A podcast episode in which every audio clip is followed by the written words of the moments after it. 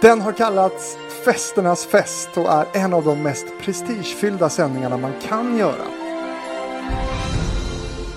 Den första banketten hölls 1901 och klädseln är högtidsdräkt. En sändning med traditioner som SVT har sänt ja, så länge man kan minnas i princip. Vad är det här för program Josefin? Nobel. Ja, det är det faktiskt. Du, men, ja, gillar du Nobel? Tittar du? Eh, jag tycker att det är fantastiskt att Nobel finns i Sverige. Jag brukar titta på klipp om pristagarna. För jag vill liksom försöka förstå, speciellt fysik och sånt där som jag verkligen eller medicin. Och, svåra ämnena. Och svåra ämnena. Eh, och det allra bästa är om en, om en pristagare kan lyckas förklara detta svåra ämne. Sen är det ju alltid roligt om litteraturpristagaren är eh, talför. Det är ju inte alltid att de är det, men, men eh, om de är det är det ju väldigt men, roligt. Men du har inte varit på Nobelfesten? Nej, ja. Vet du att jag tror att jag kan ha varit det som barn. Alltså som, det låter ju jättekonstigt, men när jag gick på ballettskolan. Att jag kan ha varit och slängt blomblad. Jag kommer ihåg att vi gjorde mycket sånt i Blåhallen. Att det var stora banketter och man slängde blomblad. Och det var mycket sånt på 80-talet. man kastar rosenblad. Ja, men det är inte lätt att komma ihåg då. Men du kanske hade Nej. velat gå i vuxen ålder också, eller? ja, verkligen. Vad hade du betalat för en biljett? Oj. Uh, nej, jag tror inte att jag hade betalat något. Utan jag, jag väntar snällt på en inbjudan. Det är gentilt. Men är, det är något du tittar på verkar det som i alla fall. Och, och de här porträtten tycker du är viktiga. Har du andra liksom, favoritmoment under baketter till exempel? Ja, men I år tyckte jag att det var roligt, eller 2023 var det, tyckte jag var roligt för att då eh, var en kollega till mig som jag har arbetat med eh, var med på Nobelfesten för att hans styvmor fick eh, Nobelpriset i just fysik.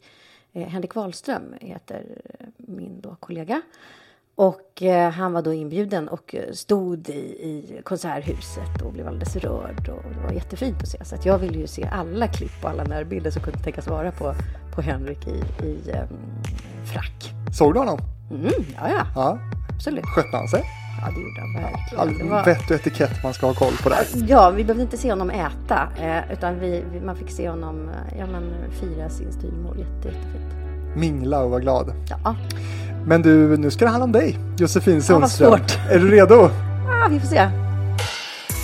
Tio. Starta band. Pass på. Starta TV-publiken om fem, fyra, tre, två, ett. Varsågod. Välkommen till TV-fabriken. Stort tack, vad roligt att få vara här. Ja, men ja, precis. Du är lite sådär, du är inte van att bli intervjuad, eller? Nej, jag är vanare att intervjua. Mm. Jag tycker inte att det är eh, superlätt. Jag har inte varit med i jättemånga sådana här långsittningar. Eller nog ingen. Vad kul! Ja, så det här, vi får se hur det går. Det kommer gå jättebra. Och du har gjort så otroligt mycket tv. Ehm, och eh, har du lyssnat någonting på TV-fabriken förresten? Jag har lyssnat, ja. Och eh, jag var ju tvungen till exempel att lyssna på min gode vän Henrik Olsson som var med. Uh, vi har ju gjort lite samma saker han och jag. Ja. Jag har ju tassat i hans fotspår. Mycket minnen från SVT Växjö. ja, gud. Det kommer vi kanske gud. få mer av. Ja, Men ska vi berätta först var vi befinner oss någonstans? Mm. Vi är ju i eh, den största av programledarlogerna på SVT, eh, utanför Studio 1 den som har ett äh, gammalt sittbadkar från äh, Hylands tid. Det känns så. så det, ja, jo då, det här har funnits här som man byggde husen. Det känns också som att de inte har spolat i det här badkaret sedan Hylands tid, för det luktar lite avlopp där inne. Ja, men det är, det är rören, vet du. de är, de är ja. gamla här. Men annars har man faktiskt man har bytt ut bytt den här soffan och, och, man har fixat lite här inne. Ja, för det här, det här har varit din loge. Mm, det har det varit. Eh, många gånger till olika produktioner. Eh, det finns en likadan en pandang till den här låsen i, utanför Studio 2 som är liksom 100 meter bort här. Jag kan tänka mig att de som lyssnar på det här, de vet ju, för de, de jobbar ju med tv och de flesta har varit här. Eh, kan jag tänka. Men, Även men, kul för de som inte har varit här. Ja, så där försöker jag då beskriva i alla fall.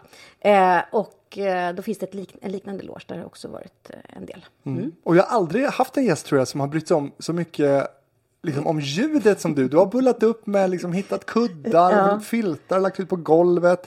Det är ja. jättebra ju. Ja, det var väldigt vad det ekade här inne. Ja, nu ekar det lite- fortfarande, men, men jag har väl blivit lite av en ljudsnobb då. Ja, det är jättebra. Man kan väl också säga för de som tänker att det här ska vara något väldigt flådigt det här är den största liksom, programledarlogen på SVT kan man säga att det, det är det ju inte. Nej. Det är väldigt grå och vit och kal. Ja, varför finns det inte en enda tavla? Jag kan inte förstå det. för Eller det färg ju... på väggarna. Ja, någonting. Men det ska vara neutralt, vet du. Ja, Man vet ju aldrig vad den här programledaren ska, ska göra som ska leda detta. Det kan ju vara en debatt eller vad som helst. ja. Mm. Men som sagt, när du har bott in dig här själv då, liksom, är det, hur tycker du att det är liksom, som programledare? Och, och liksom, hur mycket tillbringar du tid här inne? Och sådär? Eh, ja, men ganska lite. Jag är eh, social varelse så att jag går nog in, ställer av mig min väska och sen går jag ut. Jag kanske byter om här inne också. Lägger du dig och tar en liten tupplur här eller? Nej, men det har jag gjort i de här husen. Det, det har funnits vilor, vilorum som små hotellrum och och det har hänt att jag har sovit i dem eh, av olika anledningar för att jag har varit sjuk eller för att eh, eh, jag har gjort ett program på morgonen och sen ett på kvällen. Lite sånt där. Men inte i en loge. Eh, första minnet som jag har av dig från tv, det är nog faktiskt från Melodifestivalen 99. Oj! Eller möjligen Voxpop.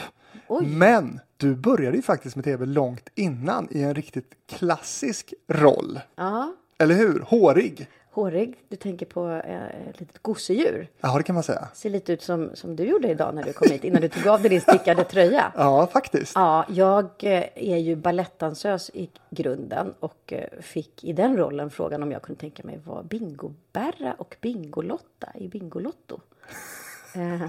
Det kändes lite överkurs att man var liksom klassiskt skolad balettdansös för, för detta. Men, men kul var det och världens bästa extra knäck och jättebra tv-utbildning. Ja, för det här tror jag inte att många vet om det, att du har varit bingoberra. Nej, det var ju lite en anonym roll. 1997 till 99 va? Ja, Många år många dessutom. år höll jag på där. Var, var det ditt första jobb på tv? Eh, mitt allra första jobb var som publikuppvärmare. Eh, Åh, svårt. Eller då måste man pass. vara rolig och... Mm, Ja, och jag är ju inte det på det viset. Vad var det för program du fick Eh, värma upp publiken inför? det var typ, eh, alltså det var ju på, Jonsered, MTV i Ah. Jonsered. Älskar. Ja, och där gjorde man ju sitcom, så det kunde vara någon sitcom, det kunde vara Sikta mot stjärnorna och lite sådär. Eh, Det här är min barndom Josefin. Det här är Ja. så fint. Jag har praktiserat det här så mycket när jag var väldigt ung. Och Men jag var också väldigt ung. Jag vill säga att jag var 17 när jag Ja. gjorde detta. Alltså jag var ju ett barn själv. Och liksom, jag gjorde också Låt kameran gå. Med Janne Loffe Karlsson. Det var mitt första tv. Väldigt bra signaturmelodi också. Eh, men hur som helst, för den, jag var tillbaka på MTVs Va? gamla lokaler bara för ett eller två år sedan. Och då kan man gå in på min YouTube-kanal som heter Fredrik Rahlstrand och kolla på bakom Ah. kulisserna hur det ser ut där idag. Du menar inte Jag skickar en länk till dig sen. Tack Fredrik. Mm. Men, men vad kul, men det måste ju varit jätte... Vad, vad, vad är liksom utmaningen med att vara publikuppvärmare då? Eh, för mig var det nog ett jobb som det passade mig ganska dåligt att vara publikuppvärmare. Men, men eh, när jag insåg att det mest handlade om, för det var massa människor som var roliga, som var ståuppkomiker eller akrobater som hade gjort detta. Och jag var ju då som jag sa en gammal balettdansös, så jag var ju kanske inte rolig på det viset. Men jag är, har också jobbat som danspedagog och eh, ganska, har ganska lätt att få med mig människor sådär. Trots att jag är ganska kort, eller kort i rocken, Hur kort? eh, 1,60 där. Eh, så, så har jag ändå lätt för att få med mig människor och kunna liksom visa med hela handen och få folk att känna sig trygga. Här är nödutgångarna och nu ska ni sitta. Eller liksom sådär. Ni måste ducka när, när kranen kommer, annars kan man få den i huvudet. Och det handlar ju väldigt mycket om information. Ehm, men det var ändå inget jobb som passade mig. Däremot har det varit väldigt bra sen, när jag varit programledare, att också kunna vara publikuppvärmare till mina egna program. Gud vad bra. Det har varit väldigt bra. Dubbla faktureringar. Eh, tyvärr inte. Men, eh, men det borde jag naturligtvis ha tänkt på.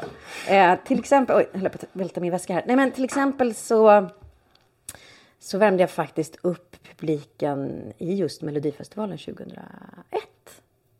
Då hade vi ingen publikuppvärmare, utan då gjorde jag det. Då gjorde du det. Ja. Vad roligt. Som om man inte hade annat för sig.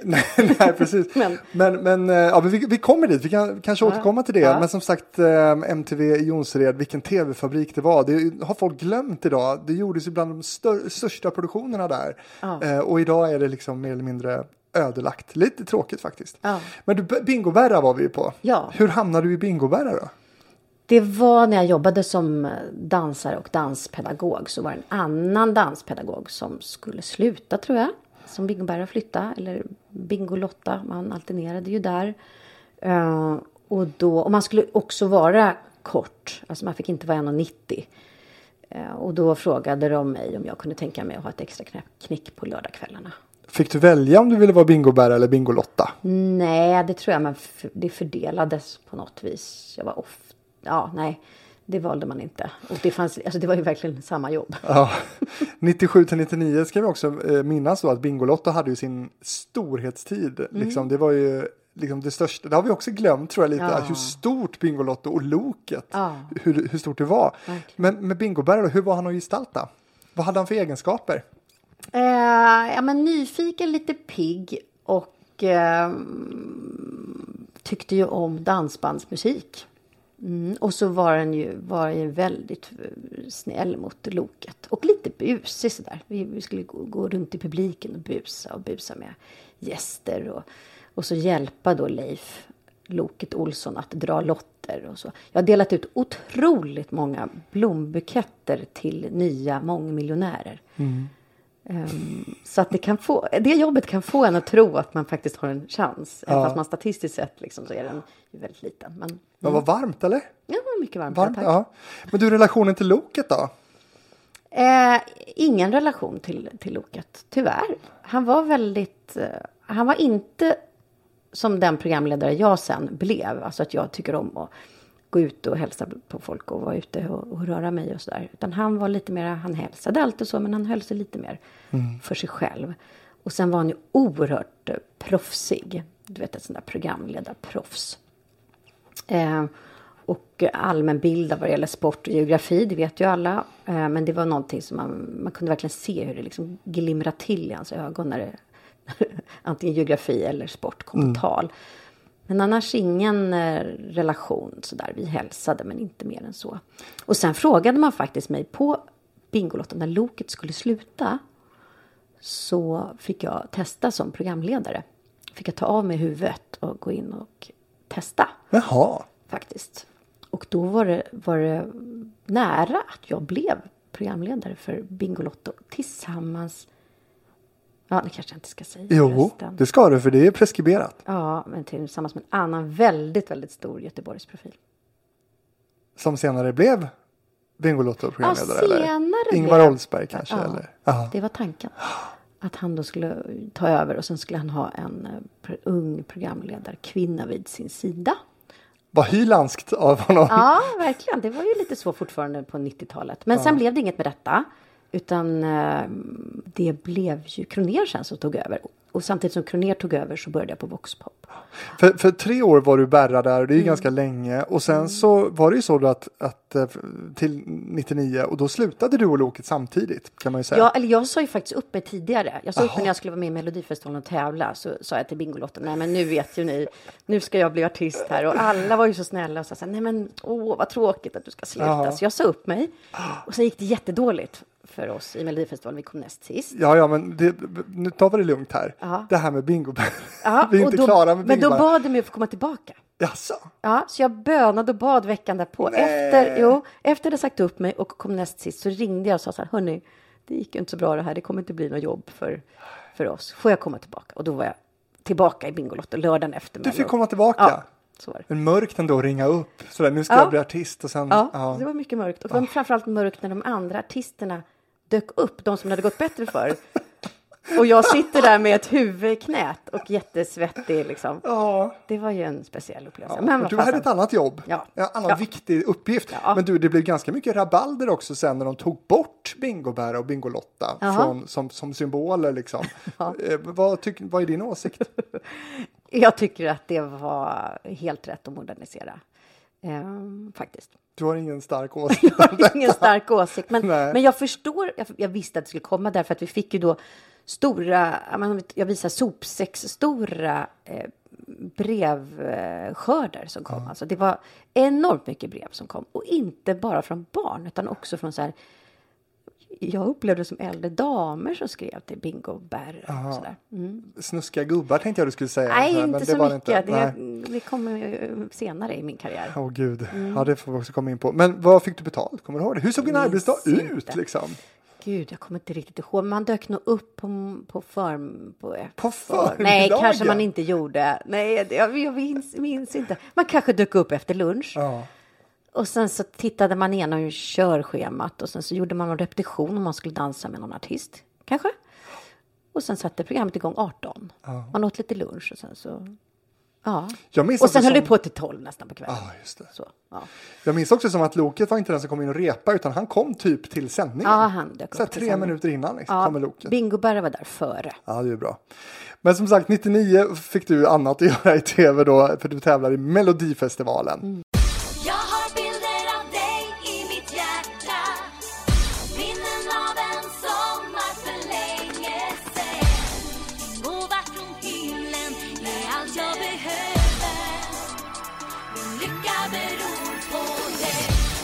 Aj hette gruppen, Bilder av dig hette låten.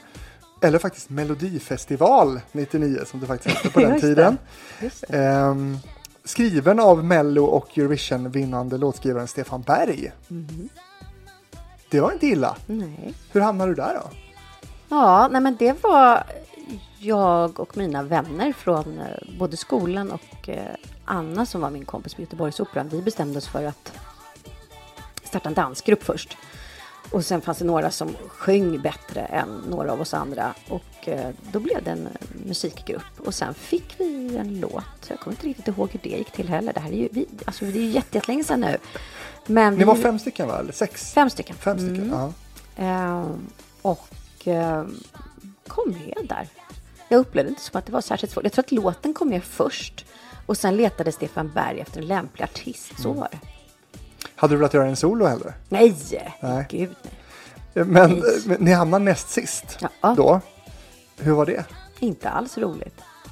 Nej. Nej. Är du ledsen? Hur ledsen Ja, blev du? nej men jag var jätteledsen. För vi hade ju fått, alltså dels var man ju 20 år ungefär. Och ehm, eh, vi hade verkligen satsat på det här och var, hade så otroligt roligt och jättehöga förväntningar eh, på oss själva och förhoppningar.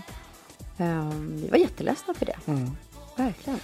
Det var ju en annan tid. Larvigt, men så Nej, var det. absolut inte. Det är ändå det största bort- man kan göra liksom. Nej, jag vet inte. inte nej. Men kom ihåg när vi skulle dra bort lös... Man hade löshår, du vet sådär hur det kan vara i melodifestivalsammanhang.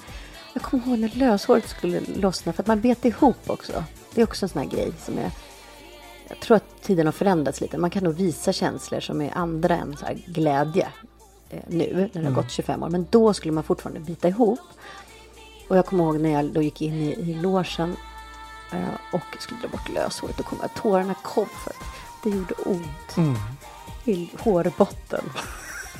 Så, såklart att det gjorde ont i hjärtat. Ja, så då kom jag att man grät.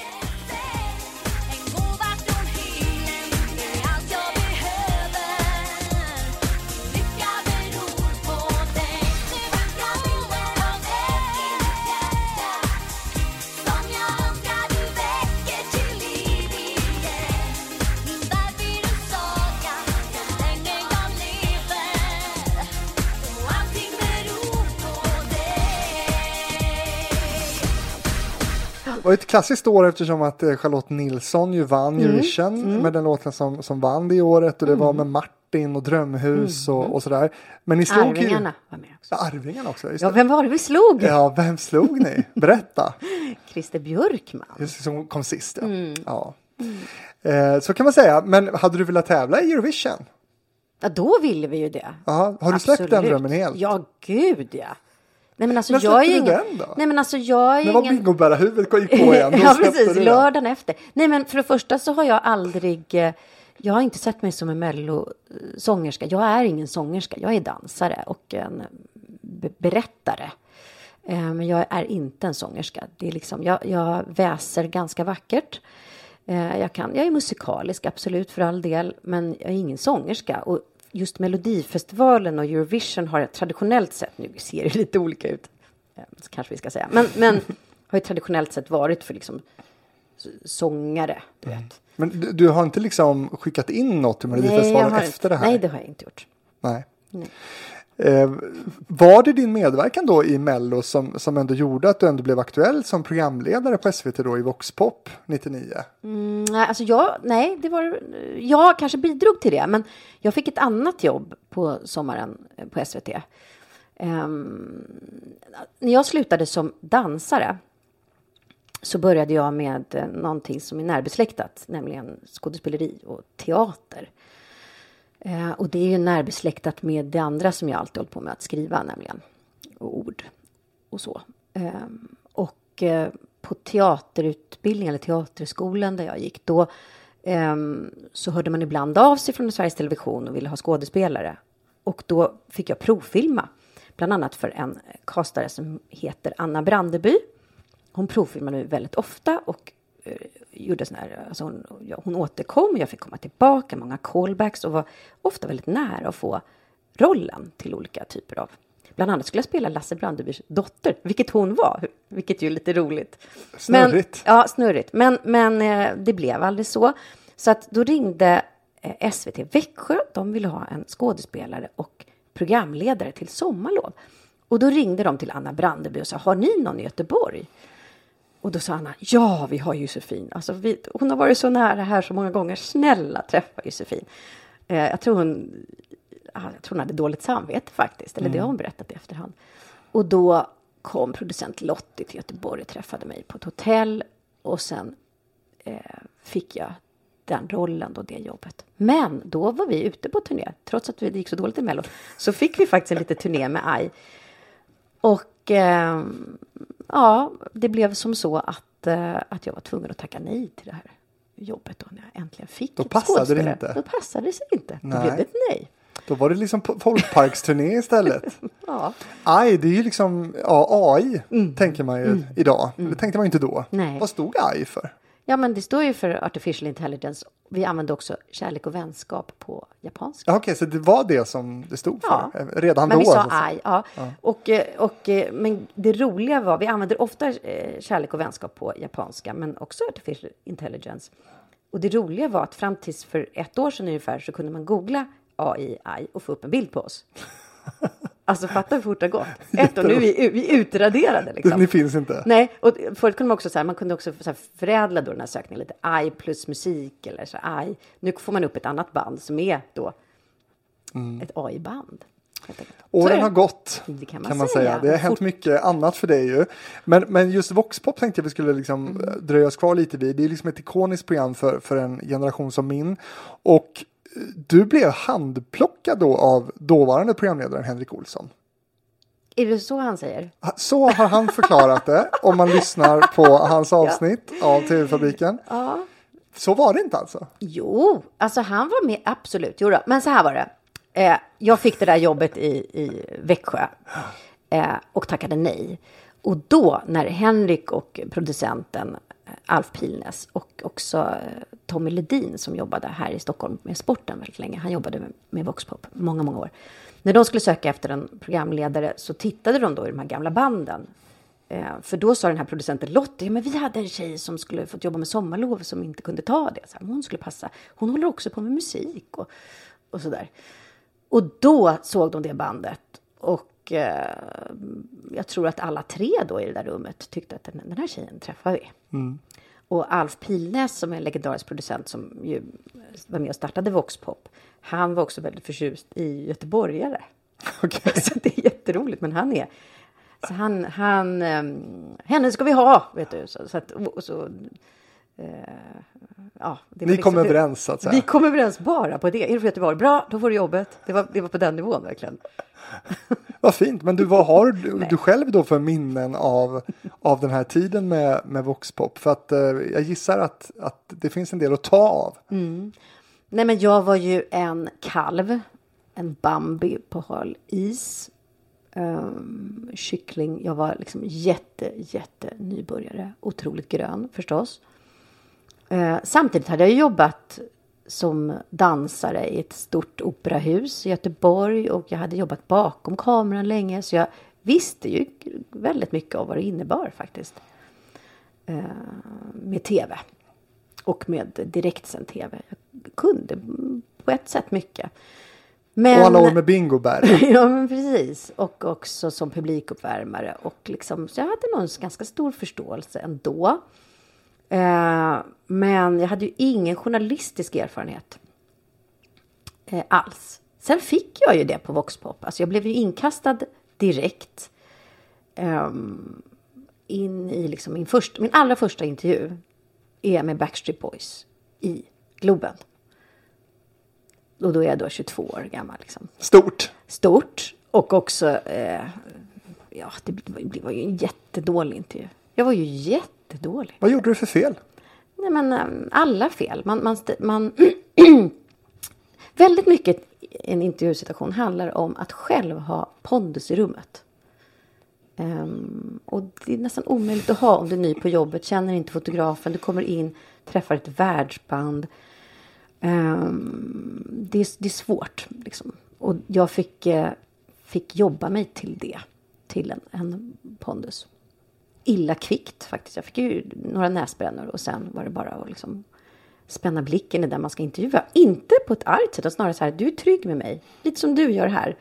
Eh, jag känner att du leder det här, jag vet liksom, att du har koll på läget. Minus att jag behövde ljud...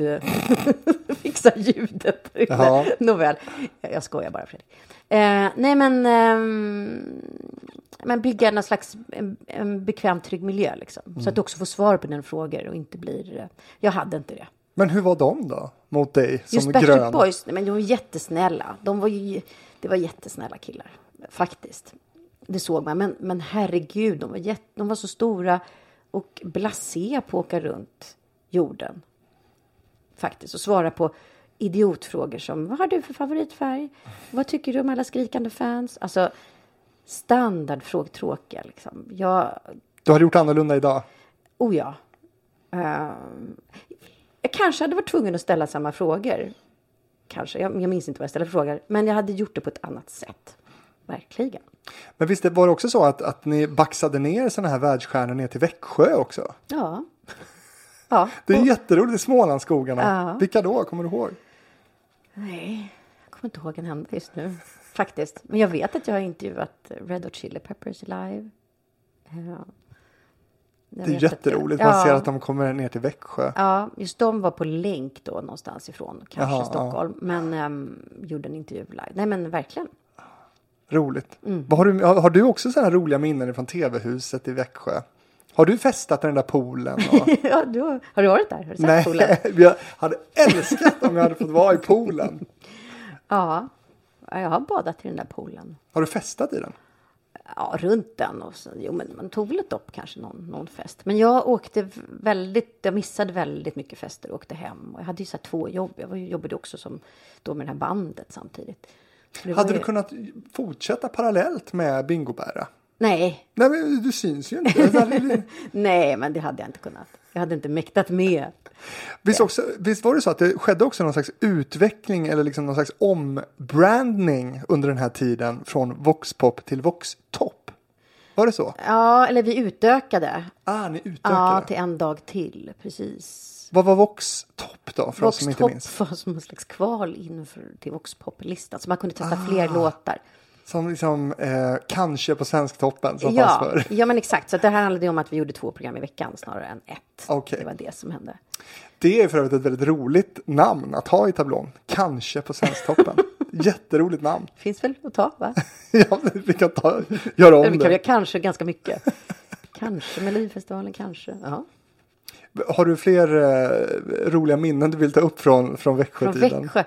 Eh, alltså jag gjorde ju fler program där. Eh, Jukebox. Jukebox var som ett musikmagasin. Eh, sen hade jag ju ett program som hette Säpop med Henrik Ja, Dorsin. gud. Ja, det ska vi återkomma till. Jaha, okej. Det ska du inte ja, komma jag, undan. jag ska inte, nej, okej. Eh, nej, men jag har jättefina år från, från... Vet du vad jag skulle säga om SVT Växjö? Och jag beklagar att det inte finns kvar. Det var att det här med att, att man säger att det är en plantskola. Det var verkligen det.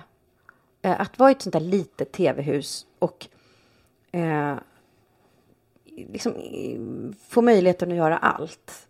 Eh, verkligen möjligheten att göra allt och förstå hela processen. Eh, gör att jag tycker att väldigt många av dem man möter som har varit i Växjö är lite så ödmjukare.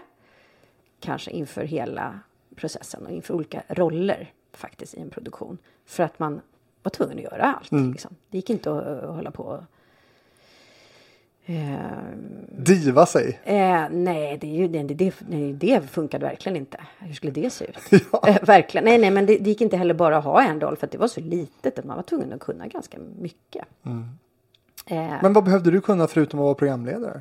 jag behövde ju skriva allt mitt manus själv, göra all research själv. Eh, jag behövde hantera eh, redigering till viss mån. Eh, inte att jag satt hands-on och redigerade, men att jag liksom hela processen, man är så nära i processen så ska man in och spika måste jag veta precis vad som väntas. Alltså man var ju med hela tiden. Eh, men sen fick jag också, det som också var väldigt bra med det här lilla tv-huset var att de, jag fick ju faktiskt utbilda mig sen. Eh, Jag fick gå på intervjukurser här på JMK. eh, och Jag fick gå utbildning där. Eh, Jag fick eh, åka till Köpenhamn och gå någon produktionsdesignsutbildning. Och det var en jättefin liksom, satsning på förkovran. Eh, Så att jag blev ju journalist under de där åren. Tänkte om det skulle hända nu, att man tar in en, liksom en bingobärra som sen blir journalist. Ja, jag tycker att, att Loket borde fixa så att du hade kunnat få en journalistutbildning redan som bingobärra. Ja, just han hade säkert gärna gjort det. Han hade ju en- sin historia i P4 Göteborg. Ja. Och var ju väldigt skicklig journalist. Men Verkligen. du, det här med Jukebox, Mm. vad, vad var det? Det gjorde du 2000 till 2001. Vad var det? Nej, men det var dokumentärer kan man väl säga, förenklat säga. En fördjupning, att vi kunde liksom ta en längre intervju och, och, och för, fördjupa oss i en artist. Ja, just det. Ja. Och då hade vi en fördelning. Vi hade ju musikbyrån på redaktionen i Växjö också. Ja, det var bra. Ja, verkligen. Och de gjorde ju det här vi inte gjorde. De frågade inte så mycket om favoritfärg och liksom hur, vad säger du om skrikande fans. Det var ju inte deras grej, utan Bruni var ju mer inne på, på ja, men det musikaliska och lite, eh, lite mera, eller för lite äldre målgrupp och mer musikintresserad och kanske kärvare, svårare musik kanske. Vi var ju pop och ungt. Var de lite coolare där i Växjö eller? Musikbyrån? Eh, nej, det, det, det var de ju faktiskt inte. De kanske trodde det. Det kanske fanns folk som trodde det, men det var de verkligen inte. Vill, vill man höra mer om Voxpop i alla fall så kan jag säga att då kan man lyssna på TV-fabriken nummer 106 eh, med Henrik Olsson och varför inte också lyssna på TV-fabriken med Peter Settman som också har en del eh, minnen Ja, från. Växjö-tiden. Och sen får du ta in Magnus Bruni. Han är ju coolast av oss alla. Han var ju i och för sig på, på musikbyrån, men han har ju aldrig trott att han är coolare än någon annan. För han, för han har inte fattat det. Nej. Att han är så cool. Mest idag känd från Antikrundan ju. det är ju fantastiskt. Synlig Han reporter. måste ju in. Åren Här. går. Åren går. Absolut, jag, jag är inte den som är den. Han får gärna gästa. Eh, och som, som stor stjärna på ungdoms-tv i Växjö så bestämde sig SVT Malmö att arrangera då Melodifestivalen år 2001 och satsa på två unga kort. Ja, eller ja, unga, unga. Det var ju inte jätteunga då väl, 2001? Alltså jag var ju yngsta någonsin som, Ja. som var programledare i Mello. Ja. 23 år eller vad något. Var du 23 då? Ja. Men det måste du ha slagits av William Spets och några andra nu va? Ja, säkert nu. Ja, absolut. Det var 2001 då det här vi pratar om då du och Henrik Olsson fick leda Melodifestivalen. Voxpop-paret får man väl säga. Det var stort det där va, eller? Ja, men det var ingenting som jag hade förväntat mig alls. Verkligen, det kom som en... Jag var, då var jag i Glasgow och skulle intervjua Ronan Keating och då ringde telefonen.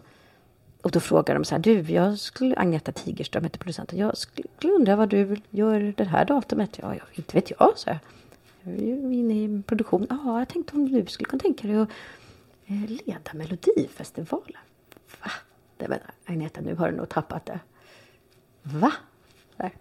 Nej, jag tycker att det det är dags nu. Så var det. Och svarade du ja direkt? Ja, det gjorde Eller om jag nu fick ur mig någonting. Jag blev verkligen uppriktigt förvånad. Jätte, jätteförvånad. För jag trodde inte... Och jag kanske hade rätt i min förvåning. För jag vet inte om jag var mogen uppdraget faktiskt. När du ser den där sändningen idag, Ja. vad tycker du? Eh, ja, jag tycker att det är mycket vatten har runnit under broarna. Det här var sista året som det var en Melodifestivalen innan det blev turné. Eh, så jag tycker att det var, men jag kan ju se att det var en ganska liten produktion. Jag kan se att ehm, att jag har blivit mycket friare som programledare efter alla år på radion. Ehm, kan jag tycka. har blivit liksom ruskat av med massa. Mm.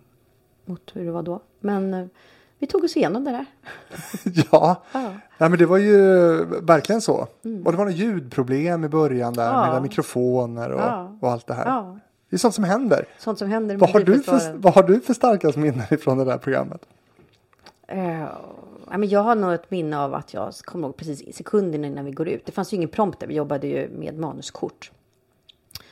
Och eh, eh, jag bara bestämmer mig för att lämna manusbunten. Så jag bara lägger, lägger undan den och går ut utan manuskort i handen. Jag kan det här, tänkte jag. Som en annan Per Lernström. Som en annan Per Lernström. Utan att ha det självförtroendet egentligen.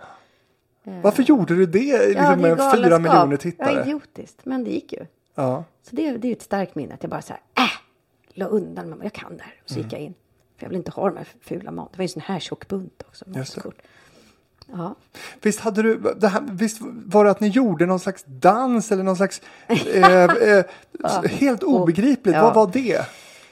Du Var det nästan... din idé? Nej, det var det verkligen inte. Jag fick ju plocka ner, jag plockade bort dans där. Eh, nej, det här var, jag kommer inte ihåg vem som koreograferade. Ja, det, skulle, det skulle så väldigt konst, lite arty ut liksom. Att ni skulle vara... Jag tror att det skulle driva med dans, tror jag. Och det är ju svårt för mig då som gammal dansare att driva med dans när det också var dans. Det var ett, det var ett speciellt nummer, men, men det är ett kul klipp kanske. Jag vet inte, för det ser helt det ser knasigt ut. Ja, jag måste nästan lägga ut det här så att man liksom Ja. får se hur det såg ut. Ja, ja, du har väl tillgång till det här gamla programmet? Inte men det finns väl, det måste ju finnas någonstans. Fy, säg inte sådär. Gör du det? På öppet Nej, men arkiv kanske. vad jobbigt. Var länge sedan du såg det eller? Jag tycker inte om öppet arkiv. jag tycker verkligen inte Gör om du att det inte? finns. Nej, ja principiellt tycker jag det är toppen. Det är jättebra public service. service ja. Men fy. Men du, favoritlåtar då? För det, det man tänker sig då, det är för att man, man, man kanske knappt kommer ihåg det heller, men det var ju Roxette som var liksom Just det. Mm. mellanakt som mimade någon ny hit Ja. liksom. Center of the Heart var det. Det är därför jag frågar Henrik Olsson om jag Han kommer ihåg. säkert ihåg det. Men coolt ändå att de var där. Och, men, men artisterna kanske, liksom, kanske inte riktigt har gått till historien som de, de starkaste namnen ändå. Fast det har de nog gjort vill jag ju ändå säga. Förutom Friends of Ja. Barbados. Nej, men Friends tycker jag, det- den låten är ju den som har spelats mest från 20, alltså på, i radio. Från 2000 till 2010. Alltså Lyssna till ditt hjärta. Det är Mm. liksom den, det är den typ den, den mest spelade låten i Sverige. Men Barbados borde ha vunnit med den bästa låten. Tyckte du det? Ja, tycker jag. Mm. Ja, det var bra. Allt som jag ser. Väl, jag tror att Mm. det, även Magnus Carlsson har sagt att det är en av hans mest så här, underskattade låtar. Ja, men den är jättefin. Alltså, han sjunger ju så bra i den också. Och eh, Sanna Nilsson var också jättefin där i den. Ja, den tycker jag att det kanske var lika bra. Men det blev var hennes bättre sen. första, första melloår. Just det. Det är det inte så lätt första gången man är med. Nej, Nej. det kan det inte vara. Eh, så. Men hade du någon favoritlåt?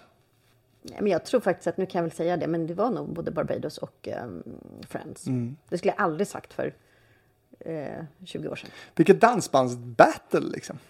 Ja, Och det var ju så. ett dansband till, dansband till med också. Date. Date var med, ja. Gud, vilka, vilka dansbandsfrisyrer de hade. Ja. Nej men det var men håller du inte med om det? Det var ju liksom inga stora liksom. Nej.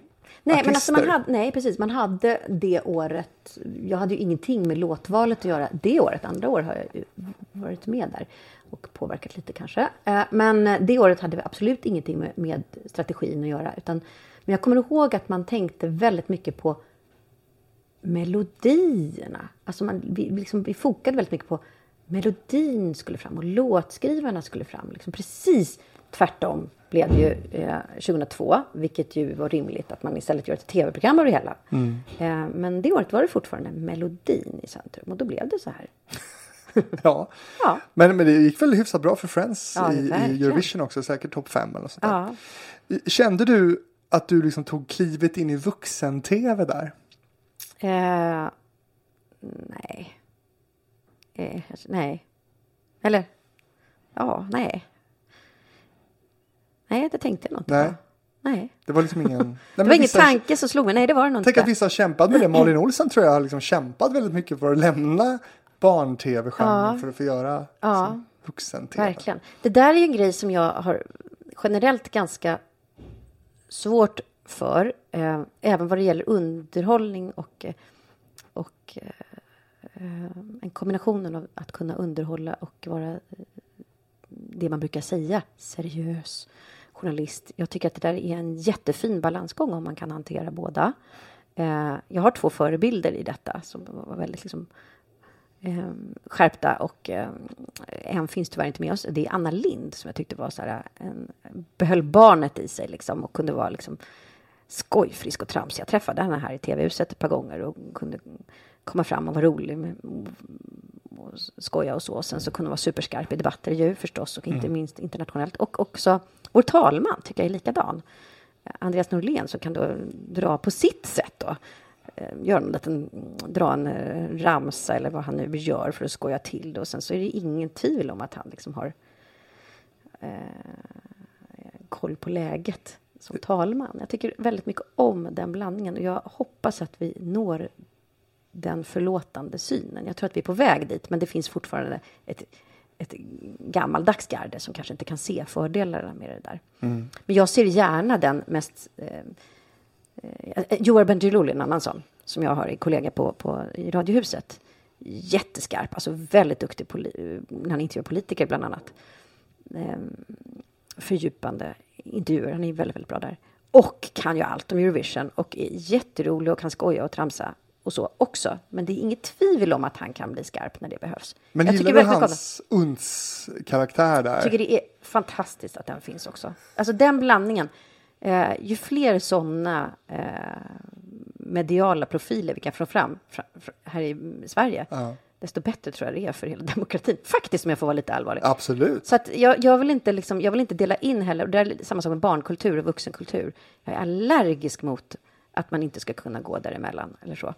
Eh, men jag vet att den, det problemet finns, eh, så, att, så att du har helt rätt i det. Men jag tänkte nog inte så.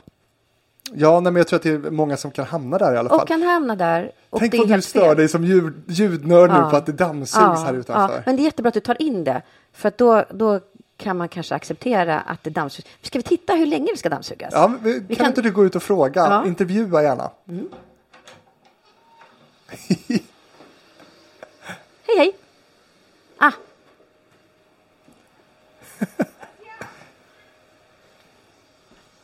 Ja, men det är hela heltäckningsmattan där borta som ska Ja, ja, då, så. dammsugas. Ja, ja. då ska du inte lyssna på TV-fabriken med Staffan Ling när det helt plötsligt börjar bilas i väggen hemma hos honom där han satt och Uff. spelade in eh, Men du, han, är väl, han gillar ju att ljudet ska vara...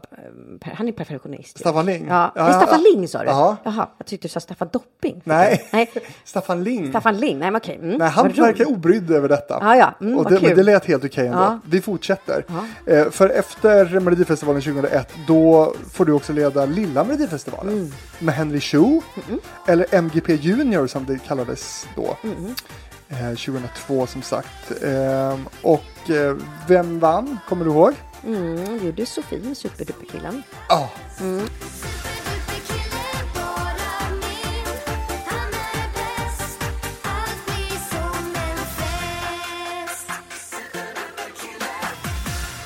Och sen var också en kille som heter Joel med. Som hade en helt otroligt cool låt som jag fortfarande kan nynna på. Jag bara undrar när blev du och jag fri? Jag har ju sagt att det aldrig kommer bli så. Na, jag är ledig och fri. Jag bara undrar när blev du och jag fri? Och. Wow. Han går in i någon slags... Han är så otroligt, så sitter han vid en flygel och så bara...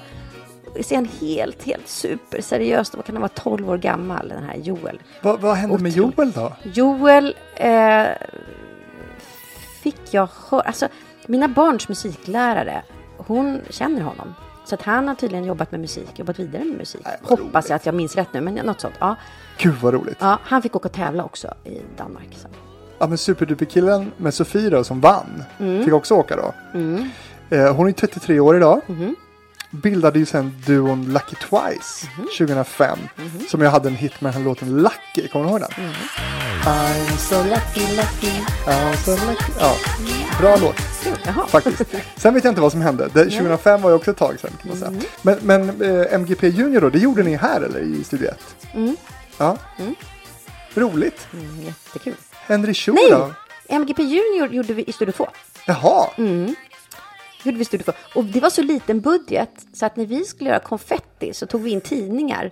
Och så fick så här, någras barn sitta och klippa upp så här, pompoms och konfetti av tidningspapper. Du skämtar. Så var det eh, i Studio 2.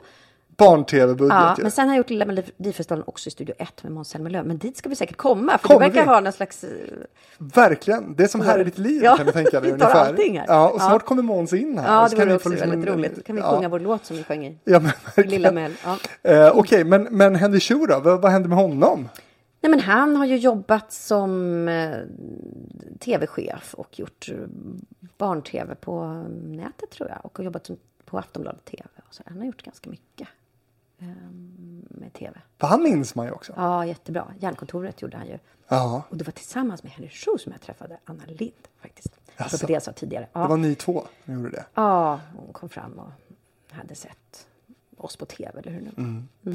var. Eh, jag, tänk, jag kan, liksom, när jag tänker på Anna Lind så kan jag också fascineras och lite så här förvånas och tycka att det är liksom så, här, så jäkla konstigt att vi också haft en utrikesminister som heter nästan likadant. Livet är bara.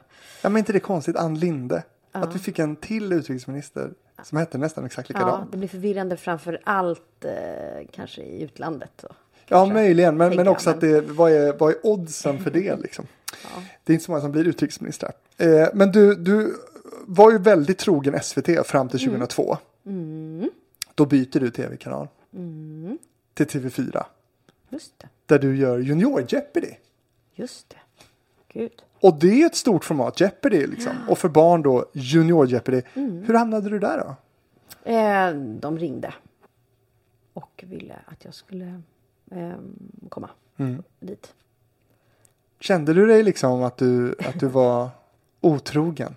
Nej, absolut inte. Ja, kanske på den tiden kanske man uppfattade så, men, men eh, jag är ju frilans och har varit frilans och eh, man vet så här, så här långt kontrakt och sen har vi någonting där eller ja, vi vill verkligen ha någonting, men har vi något konkret? Nej, det har vi inte. Eh, nej, men då kan jag göra det här. Och så, så jag har varit väldigt tydlig i det och haft jättebra kommunikation med chefer här. Skönt. Och eh, även på fyran sen när vi när jag åkte dit då. Men visst var det, alltså, hur stor skillnad var det skulle du säga mellan eh, SVT och TV4 på den tiden då? Nu, nu pratar vi som Eh. sagt början av 00-tal här.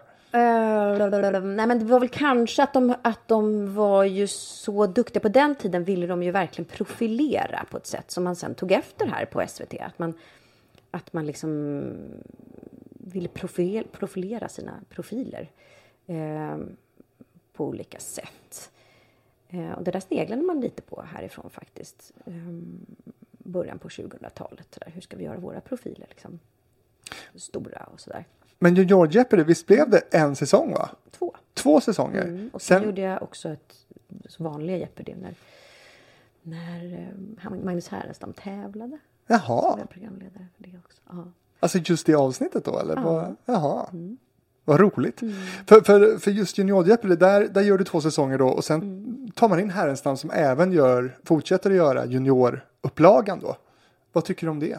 Nej, Jo, var det så? ja. Nej, men jag slutade ju sen för att jag blev erbjuden jobb på SVT efter. Jag tror inte, nej, gjorde man det? Okej. Eh, nej, men han hade gjort Junior Jeopardy innan också. Jaha, okej. Och sen så... Ja, då kanske det är det jag har jag- sett det innan. Jag tror att det var innan. Och sen så tror jag att så gjorde man två säsonger och sen ringde man från SVT. För jag hade gjort en pilot med Henrik Dorsin. Och eh, den låg liksom och bubblade hela det året som jag var på fyran. Och sen fick vi go på den piloten. Så då under våren så var det liksom att jag skulle tillbaka till SVT. Ah, okej. och så. Jag gjorde lite annat på fyran också, när, när fjärilen. Och jag gjorde ett musikmagasin som heter Dunka Dunk. Det var två Ja, säsonger. Och lite Vad var det? Dunka Dunka? Också, det var så musik... Eh, ja, men så här, s- lite mer som musikbyrån kanske. Malik Bendjelloul var med som producent, denna stora stjärna. Som inte finns med oss längre. Nej, så-. Och så när och fjärran. Det, det verkar vara en sån här ehm, grej som många journalister vill göra. Ja, Resa. ja. Precis. Du har gjort det. Hur var det? Nej, det var... Nej, vet du vad? Det var nog inte mina bästa... eh, Jag tycker om att resa. eh, Men det var mycket som hände på, de där, på det där. Det var mycket, det är krångligt. Alltså, när och fjärran var lite bökigt tyckte jag. Va- Varför? På vilket sätt? Därför att det var någon kamera som gick sönder. Måste man skicka över en kamera, sitta och vänta på någon strand. Vi skulle, jag kommer ihåg att vi skulle göra ett reportage. Ett program skulle vara om eh, Jesusstatyn i Rio, i Rio de Janeiro. Och vi är i Rio.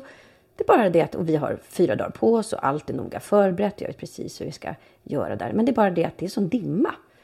Så att det ligger en dimma vid Jesus fötter hela tiden vi är där. Det blir inget reportage. Sånt där krångel ska man gå där och liksom... Alltså det blev noll. Det blev noll av det. Nej, alltså det blev i Brasilien. Vi gjorde annat i Brasilien. Så det blev ett reportage om Brasilien. Men, men inte om eh, just den här. Så det bara stektes på grund av vädret. Mycket sånt där. Eh, och så på andra sidan jorden. Och jag känner mig liksom... Jag tyckte att det var... Det, var kanske, inte, det kanske inte var drömjobbet faktiskt. Nej. Men... eh, Rickard Sjöberg gjorde väl mycket nära och fjärran Ja. på den här tiden också. Oh, han och Hans där. Fahlén. Hans Fahlén var jättebra där. Eh, och Henrik Olsson gjorde Packat och klart samtidigt. Just det. Här, i, här på SVT. Den lite torrare varianten. Ja, va? lite torrare var det ju. Det var lite mindre skratt och liksom så. Anders Rosén, programledare. Ja, och Henrik tror jag. Ja. Jag Men ja, nej, men det var, ja, packat och klart, det var, det, jag har svårt att sätta film, men det var lite torrt. Lite mer som det här rummet vi är nu. Ja. Lite gråare faktiskt. Ja. Ja. Varför måste det vara så? Nej, men det var väl så på den tiden. Ja. Det är inte så längre. Det här är ju en genre inom tv som helt har försvunnit. Resegenren. Saknar Mm. Behövs du den? längre. Nej. Nej. Ja, jag kan tycka att det är roligt fast man kan väl göra det på ett annat sätt nu. Det Mm. var så formaterat när vi gjorde det. Eh, Men jag tänker att om man gör det fritt så som ja, men till exempel Filip och Fredrik försökte göra lite rese-tv. tyckte jag var kul. Man bara, när det påminner lite mer om radio. Jag tycker, jag tycker mycket om tv som påminner om radio. Mm. Ska jag säga det. Musikhjälpen.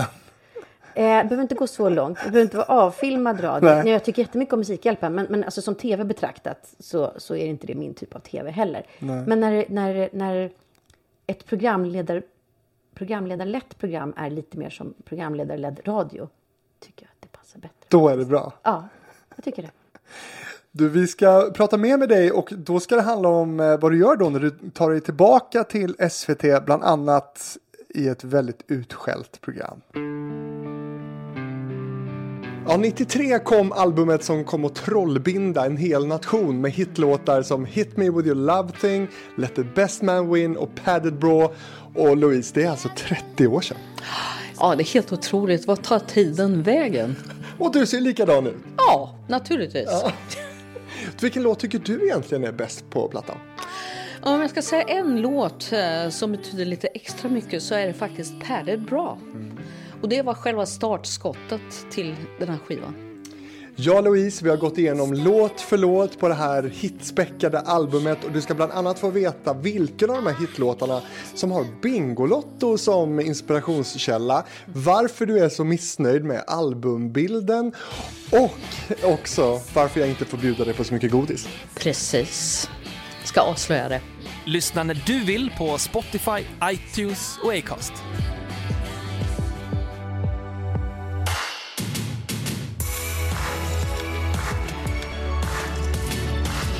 Men det här är TV-fabriken den här veckan med Josefin Sundström från en loge bakom Studio 1 i TV-huset i Stockholm.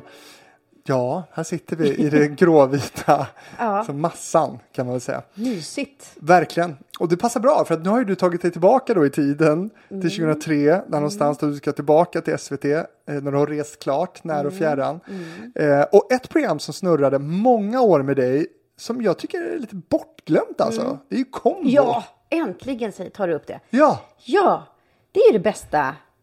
Det är ett av de bästa programmen. gick typ tre år va? Det gick tre år. Storslaget, kul program. Eh, så Med art- stora gästartister och Stora gäster till så oerhört bra program. Och oj vad många som tittade på det programmet. Ja, ja. Och så var det ju musiksnurran va? verkligen. Med den, det ska vara den gesten. Ja, att du snurrade med fingret. Ja, vad bra. Du Ja. kommer ihåg. Eller har du tittat?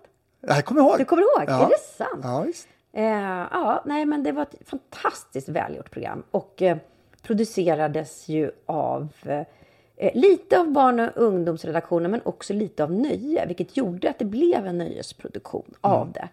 Eh, det här är ju liksom nörderi nu för den som jobbar med tv. Eh, men, men det var ju lite skillnad på, på tradition på hur man arbetade med liksom, barn och ungdoms-tv traditionellt sett och hur man jobbade med eh, underhållning. Och det här, eftersom det var underhållningsproducenter i den här eh, produktionen, från Så ska det låta, så blev det liksom Så ska det låta-produktion av det hela. Vi nöjde oss inte mindre. Det här var trevligt ju. Och det betalade sig om man nu vill se till att, få, få, att folk ska kolla helt enkelt. Mm. Det var jättemånga som kollade på detta program. Kan man säga, är, är liksom beskrivningen av programmet att det var lite som Så ska det låta för barn? Typ? Ja, absolut. Och eh, allmänbildande då. Vi kunde ta in låtar som var så här, stora för barn just nu, men också så här, låtar som eh, Varmkorv Boogie. Det kanske man inte har hört. Och så får man höra den i då det här programmet Combo.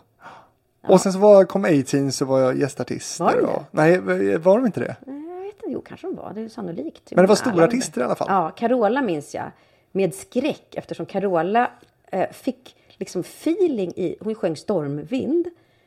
Och eh, av någon anledning Som Stefan hon, Berg har skrivit, Ja. som du då tävlade Mm, med det, hans låt. Förlåt. Och jag är ju då ingen sångerska har jag ju berättat tidigare. Men Carola får ju då någon slags eh, feeling och räcker över micken just i höjningen av Stormvind Ah. till mig. Ja, jag minns inte hur jag hanterade det. Jag minns inte om jag bara Hon får ju klappa ofta- händerna eller något. Hon får ju ofta feeling. Ja, hon får en feeling. Ja. Men, men det var fel feeling för dig där. för mig var det fel feeling, för, för programmet var det urbra. Ja. Eh, var spelade ni in? Här. Ettan. Ettan något år och eh, Studio 2. Ja. Båda, båda studierna. Eh, men som sagt, från när och fjärran och så här, du är tillbaka med kidsen här i alla fall. Ja. Kan man säga. Familjeunderhållning tycker jag nog att kombo var. För det gick också så här. Jag vet inte om det gick 20.00 eller så gick det här liksom, precis innan. Det var en riktig så här lead in i, i underhållning på fredagar eller så. Ja. Varför är det så bortglömt? Jag tror att det är du som har glömt bort det, men sen kommer du ändå ihåg gesten. Eh, jag, Så kan jag tänka fel. mig. jag kommer ihåg det, men jag tror Ja. att många inte gör Nej det. men vet du vad det kan vara? Det kan vara att det fanns inte sociala medier på den tiden. Så att man tog inte så små klipp som man kan liksom skicka ut. Jag har själv inte skickat ut något om kombo. Eh, sen är det lite roligt för jag märker ju nu, eh, alltså senaste så här, tre åren så har det hänt någonting. Då börjar folk prata om voxpop jättemycket med mig. Och jag tror att det som händer nu kommer vara kombo. För det börjar komma lite mer om kombo. Tror du det? Ja, så det, är liksom, det behöver gå några år. De som var fans behöver bli vuxna. Okej. Jag analyserar samtidigt som jag pratar. Ja, jag förstår så det. jag sitter inte inne på någon... Räkna inte med det. Nej, jag räknar inte med det. Att även kombo... Men jag tror det, för jag börjar, jag börjar skönja Ja. liksom en trend. Men du jobbar med barn i tv, hur är det egentligen? Älskar det. Är det inte Äl- jobbigt? Nej, De är så oberäkneliga. nej. Faktiskt inte. Nej. Eh, nej, absolut inte. Och jag har ju jobbat med att undervisa barn och jobbat i skolor. Jag älskar det. Jag älskar det i... Jag gör det ju fortfarande och är ju gärna ute på bibliotek i mitt dagliga arbete. Och jag har ju gjort Vi femman i tio år och jag har gjort det här. Alltså jag tycker det är det roligaste som finns. Och jag vet ju också vilka åldrar jag trivs allra bäst i. Och det är? Femåringar, sharp och elvaåringar, sharp. Ah. Och det har med... Eh, det går ett, utvecklingssteg just där som är jättekul att eh, arbeta med. Och, eh, Men inget däremellan då eller? jo, jag kan jobba däremellan också, men det är där mina liksom, absoluta favoriter är. Elvaåringar börjar ju få en, en humor som är liksom mångbottnad. Som femåringen inte har. Femåringen börjar få en humor, punkt. som är jättekul att jobba med. Det är så lekfullt och det är så härligt. Roligt att du har pinpointat de här två åldrarna. Jag jobbar ju jättemycket med båda de här åldrarna. Ja. Eh, vi ska säga så här då, det som jag teasade lite om det här med programmet som, som eh, du eller ni fick så mycket kritik för, det handlade ju om Säpop 2004. Ett program eh, där du är programledare eh, i, i någon slags karaktär då, Topsy. Mm, just det. Jag. Och, som blir otroligt utskälld 2004 Ja, eh, med bland annat dig och Henrik Dorsin. Eh, vad är det som gör att alla blir så upprörda? Eh, det är en jätte... Man måste backa, backa, backa. Eh, hade de rätt i, i upprördheten? Både ja och nej. Eh, var det dåligt bitvis? Ja. Var det bitvis bra? Ja, kan jag säga. Henrik Dorsin var ju... Det här var det första han gjorde i tv. Åh, gud. Eh, vi fick ju ja, vi fick go på ett helt annat program. Så att när jag då lämnade eller kom tillbaka till SVT så har vi fått ja på ett helt annat program. Vad är det för program som du... Som är väldigt mycket som ett annat program som sen kom på SVT senare. Som heter Morgonstudion. Så vi hade gjort ett, ett Morgonstudion innan Morgonstudion och fick ett go på det. Och det skulle gå kvällar eh, och vara för vuxna. Eh, och... Eh, eh, mm, Men var det ett ändrade man- morgonstudion på kvällen eller vad då?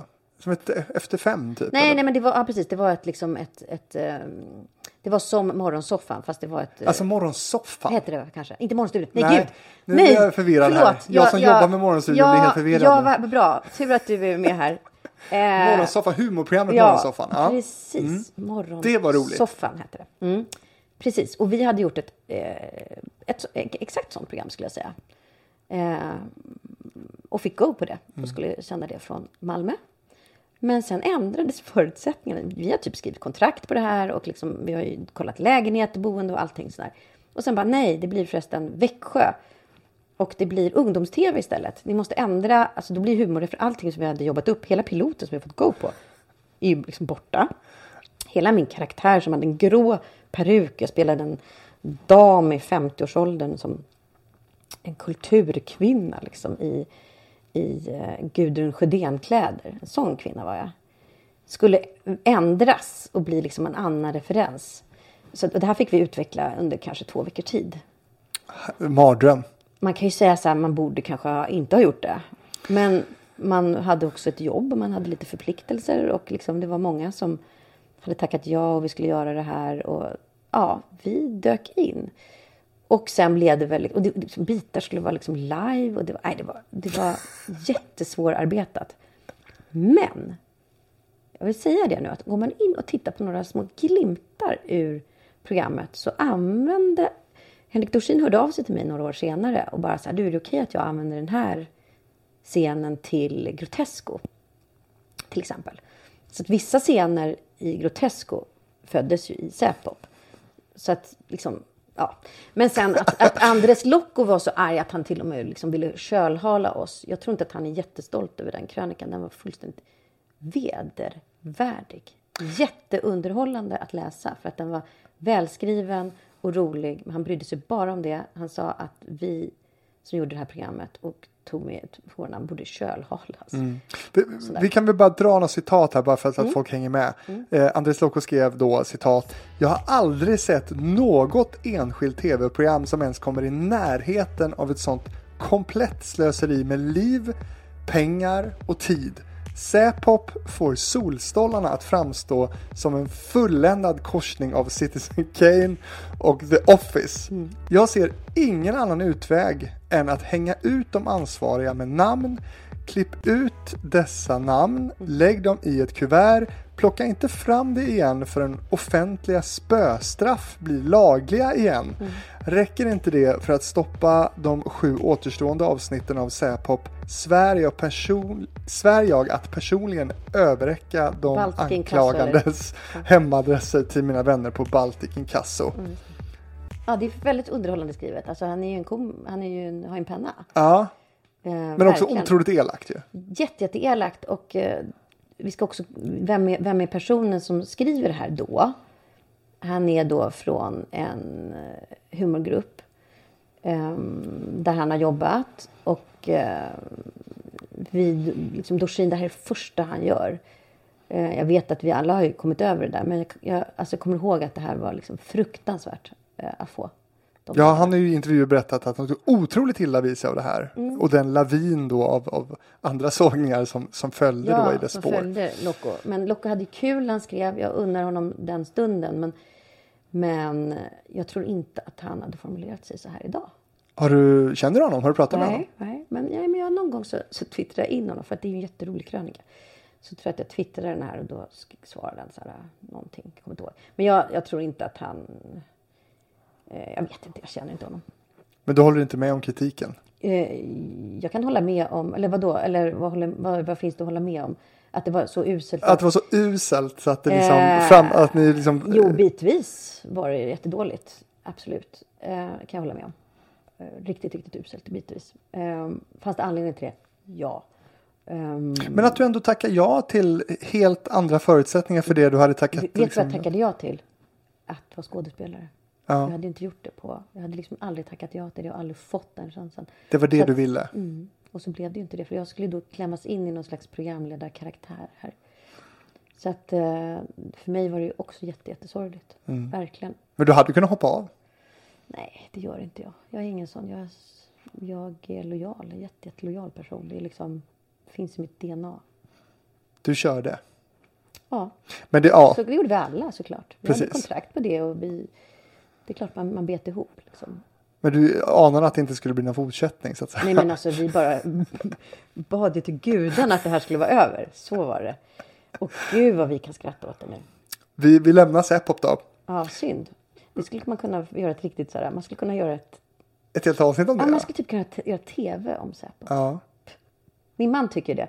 Han vill ha ett... Han vill, han, min man har världens bästa program. Han tycker att Broni ska göra ett fördjupande program om Säpo. Ja. Just. ja, vad fint. Med arkiv och så, sitta, och så ska vi få berätta allihopa. Och så tar man in Lock och får han sitta och berätta om krönikan. Ja. Hela liksom. Det är ju smalt för att många minns ju inte heller Säpop. Nej men det blir väldigt roligt med Ja, bilder för att, för att man vet hur det gick sen. Låter mer som TV-fabriken. Då får du det. Jag återkommer. I bild kanske. Måste du, du måste ha bilderna. Varför då? Ja, för, Ja. för att se din... Du måste, nej men, du, nej, men, karaktär. nej men för att se Dorsin framför allt. Det är honom du behöver se. Inte mig. Herregud. Men det finns mer att berätta alltså? Ja, det är gud. Ja. Ja, vi gud. Kunna, om, vi, om vi skulle sitta och minnas så finns det mycket säkert. Mm. 2007 så gör du Lilla Melodifestivalen igen. Du är tillbaka i Melloland, denna gången då med Måns Zelmerlöw. Hur var det att jobba med Måns då? Jag önskade ju honom. Mm, eh, och tjatade in honom på SVT som programledare. Så du, du, han har dig att tacka Ja, så egentligen här för kan vi göra samma grej. Nej, det har han inte. För att, nej, det, absolut inte. Den kan han bära upp. Sin framgång kan han bära upp själv. Men att jag tjatade in honom eh, finns till och med så här på band. Ja. Varför vill du ha in honom? Eh, för att Lena Styren som jag hade gjort kombo med. Hon sa så här. Ni kommer bli ett hur bra. Ni, kommer göra, ni två skulle göra program jätte, jättebra. Och sen träffade jag Måns och såg att han också hade en räv. Eh, man, man, ser, ju- man såg det här gulliga, liksom, det här charmiga. Han var ju jätteung där. Eh, men han har också en räv bakom örat. Mm, Hur kanske såg du det? Eh, såg det när jag träffade honom, att han är kvick i huvudet. Han är allmänbildad, kvick i tanken. ehm, och, har, och jag tyckte att den där räven vore rolig att jobba med.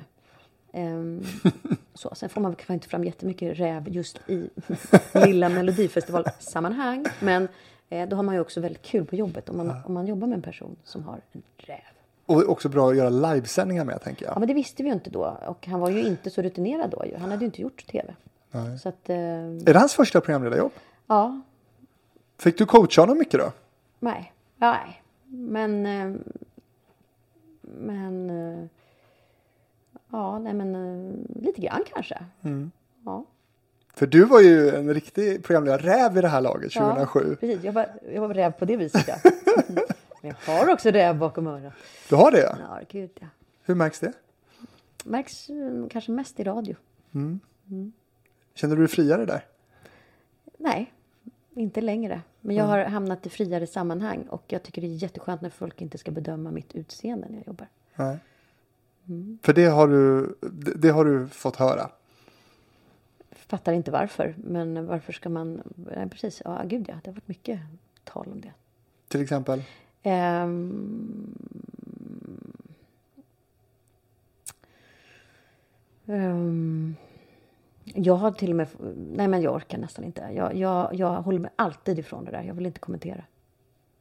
Kommentera vad? Utseende. Tycker det är så jäkla tråkigt att prata om. Ja. Det är därför det är så underbart att skriva och att jobba med radio. Men det som blir... jävel kommenterar ens utseende. Underbart. Alltså om du blinkar med ögonen eller om du fladdrar eller om du eh, har eh, fula snygga kläder. Om du... Eh, ehm, vad det nu må vara. Fullständigt vedvärde tycker jag. Men är det inte så Där har tiderna förändrats lite. Tack och lov. Ja, men till det bättre eller sämre? Till det bättre. Man kommenterar inte kvinnor på det viset som man gjorde när jag började i tv. Och den här dubbelbestraffningen som var då den, den är liksom allmänt känd idag. Så att den håller man sig ifrån. Tack och lov. Det är Att jättebra. man å ena sidan ska liksom fronta till exempel ett tv-program och vara på ett omslag. Du vet, då sitter du två timmar i smink och du- blir en, liksom, vad ska man säga, en figur. Och att du i nästa stund kan bli bestraffad för detsamma. Liksom. Eh, det håller man inte på med längre. Tack och lov. Mm. Jättebra. Men hur långt gick Jag har döttrar nämligen så att det är underbart att det inte är så. Men hur långt gick det för dig då? Alltså, fick du liksom eh, så här, bajs hem på posten och sådana saker? Alltså, eller vad? Ja, eller inte, inte exakt det, men absolut. Ja. Ja. Säkerhetsavdelningen inkopplad. Ja. Och... Kände du dig otrygg? Mm, Det har funnits perioder när jag har gjort det. Ja. Är det inte viktigt att prata om? Jag tänker Jo, att det... verkligen. Men, men, eh, men du vill inte heller trigga igång någonting. Så därför så, så, så kan man uppmanas att vara försiktig om det. Så att eh, du får jättegärna ta det vidare och prata om det. Eh, Men om jag ska orka det, då, då, då vill jag ha en heltidslön typ. För, att jag ska liksom, för då kommer jag kanske också behöva hantera det. Så. Eh, Men absolut viktigt att prata om. Såg du att det fanns ett, ett eh, bryt när det inte längre var så att du fick eh, massa kommentarer för ditt utseende och så? Ja, när jag började göra radio istället. Ja, det var... Och, då. och nej, men när jag också blir, nej, men jag blir tagen på allvar som författare. Så. Mm. Så enkelt. Skönt! Ja. Och att, att du också då kan, kan se en positiv utveckling här. Det är ju Ja. inte så ofta man gör Men det. jag tror inte att unga kvinnor idag, tack och lov, så är det inte så längre. Att man, man förväntas ha ett visst utseende när man, när man arbetar med vissa saker eller så. Eh, Det är ganska förlegat. Mm. Så jätte, jättebra. Åt alla håll och kanter. Låt folk vara. Verkligen. Mm. Eh, Vem vann Lilla Melodifestivalen 2007 då? Eh, oh, det kommer inte jag ihåg. Du minns superduperkillen, är det väl gör snyggt? jag. Eh, och sen åkte jag ändå och kommenterade. Jo, men jag kommer väl inte nu. Det var ett gäng grabbar. Aha, nej, jag kommer inte ihåg. Skate. Skate var det ju. Ja!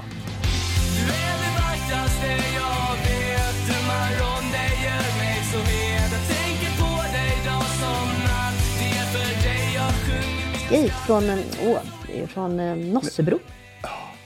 Min första, största kärlek. Mm, jättebra var de. Och jättegulliga. Och den sångaren där i, i Skate tävlar ju sen i Melodifestivalen 2010 med punkbandet Noll Disciplin med låten Idiot. Den slogs ut direkt i sin deltävling. Ja, jag vet hur det känns. Du var ju ändå med i finalen Ja, så andra att sidan. säga. Mm. Eh, 2008 då tävlade ju Stjärnor på is. Just det. Mm. Det låter jobbigt.